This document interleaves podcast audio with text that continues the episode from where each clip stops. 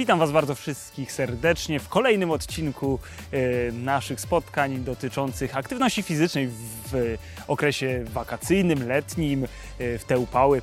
E, Dzisiaj porozmawiamy o tym, co jest potrzebne do tego, żeby zacząć aktywność fizyczną, zacząć biegać, zacząć się ruszać. Pierwszą najważniejszą rzeczą, którą myślę, że każdemu, e, każdy, e, który my, kto myśli o aktywności fizycznej, e, musi posiadać, są oczywiście okulary przeciwsłoneczne, e, które e, najlepiej, żeby miały jak najbardziej opływowy kształt, e, aerodynamiczne.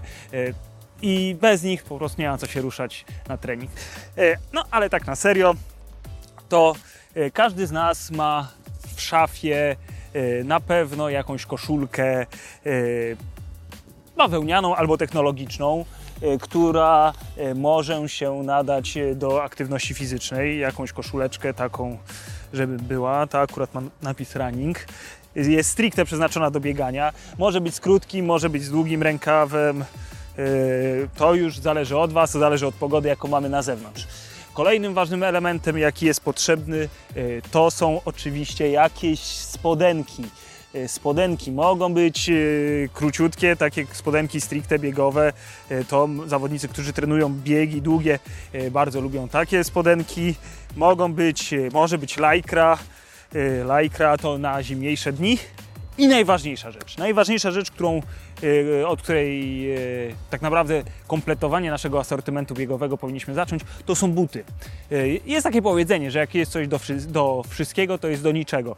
Dlatego najważniejsze, żeby mieć buty, które są dostosowane do biegania.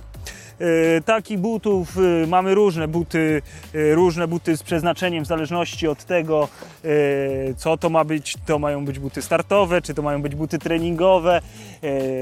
Mamy no, naprawdę różnej maści, różnej maści obuwie.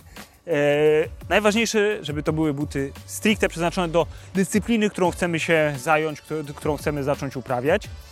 E, Ze względu na to, że to są buty, które posiadają odpowiednią e, budowę, odpowiednie amortyzacje do obciążeń, jakie będą e, nas czekały podczas aktywności fizycznej.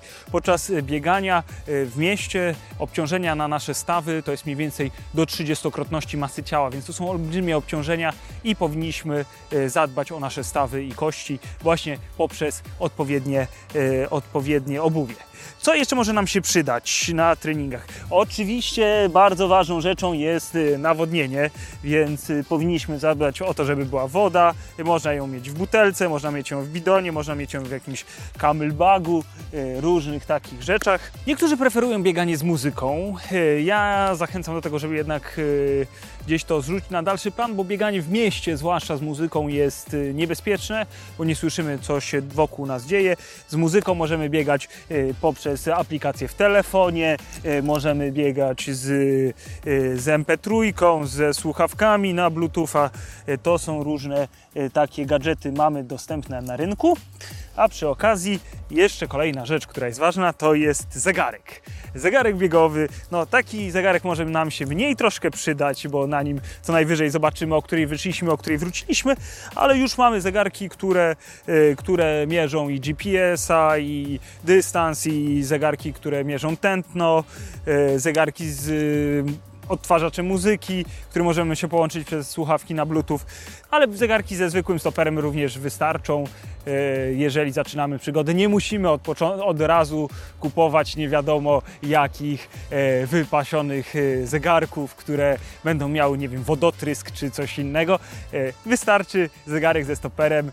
Także myślę, że to jest wystarczający asortyment do tego, żeby zacząć swoją przygodę z aktywnością fizyczną. Ja biorę sprzęt, y, idę się przebrać, a my widzimy się w kolejnym odcinku.